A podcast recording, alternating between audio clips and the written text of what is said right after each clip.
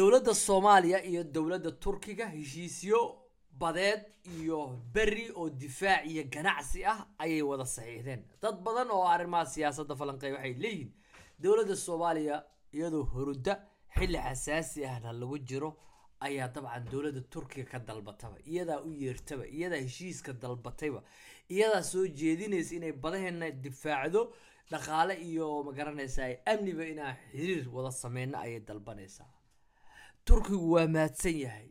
Ilaahay ka sokow adduunyada isigaa nagu haaya. Malaga hadduu iman doono xataa turkiga wuxuu isku dayi lahaa inuu naga celiyo laakiin ma awoodo.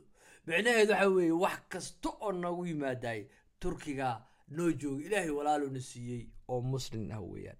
Marka heshiiskaas baan rabaa inaan waxyar ka iraahdo saaxiibada la wadaaga aragtada noo reeb aad baa umahadsan tahay.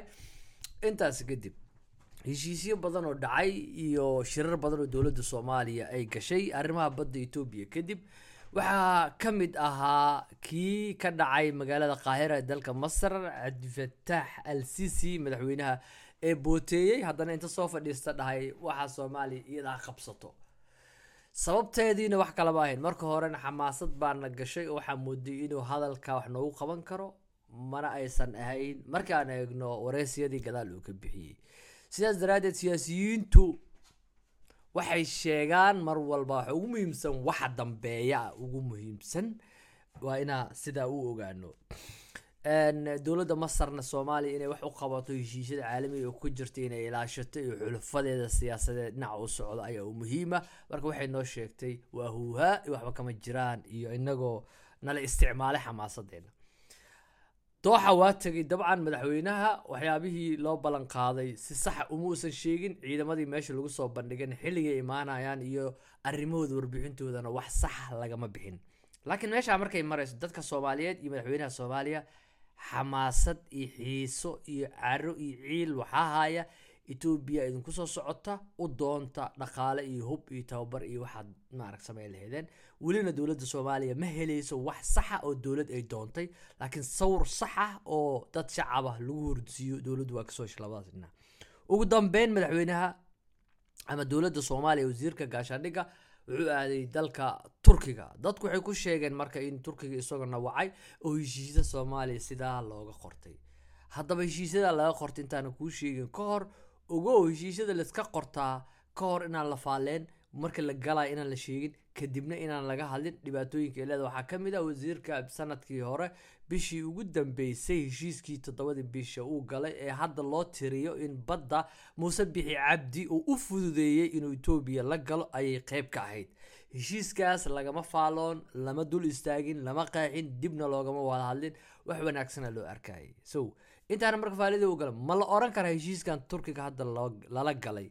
Waa mid dhac iyo boob ku ah ummadda soomaaliyeed iyo hantideeda. Mid la mid a kii uu galay labada kun iyo kow tobankii ee dhowrka sano socday ee turkiga uu ku bedeshtay billions of khayraad oo soomaaliya leedahay iyo isagoo bixiyey wax yar oo aan micno lahayn.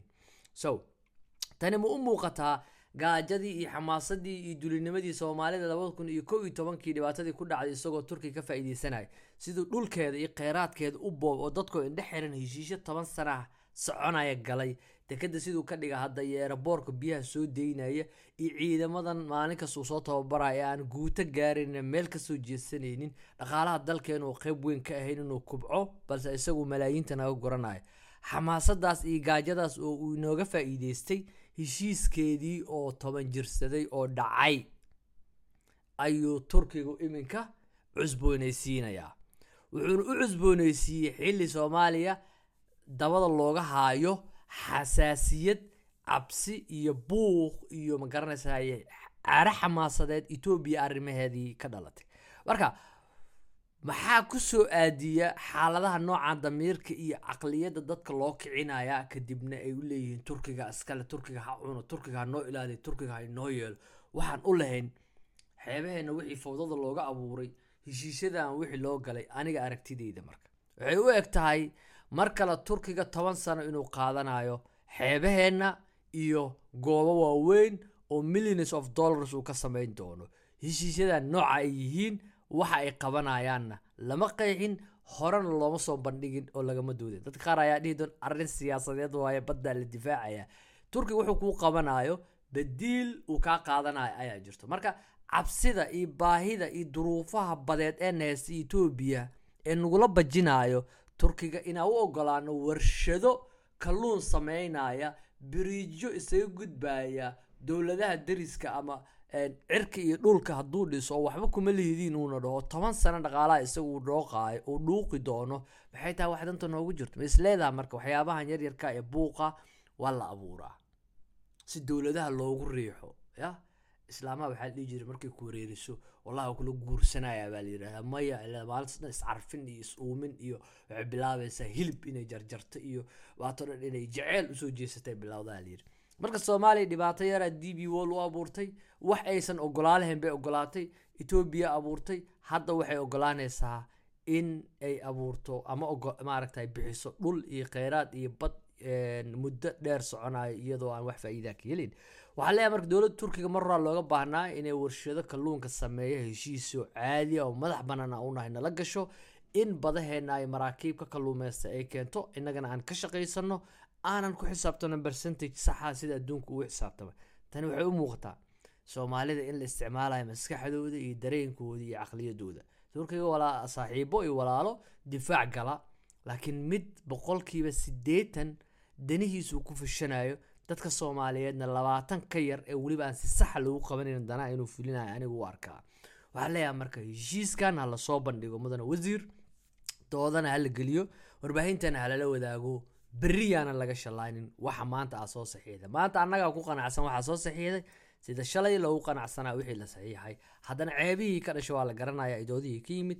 Kanna dood baa ka imaanayso haddii aan qaando qaando iyo fargeeto fargeeto loo sheegin waxa ku xusan.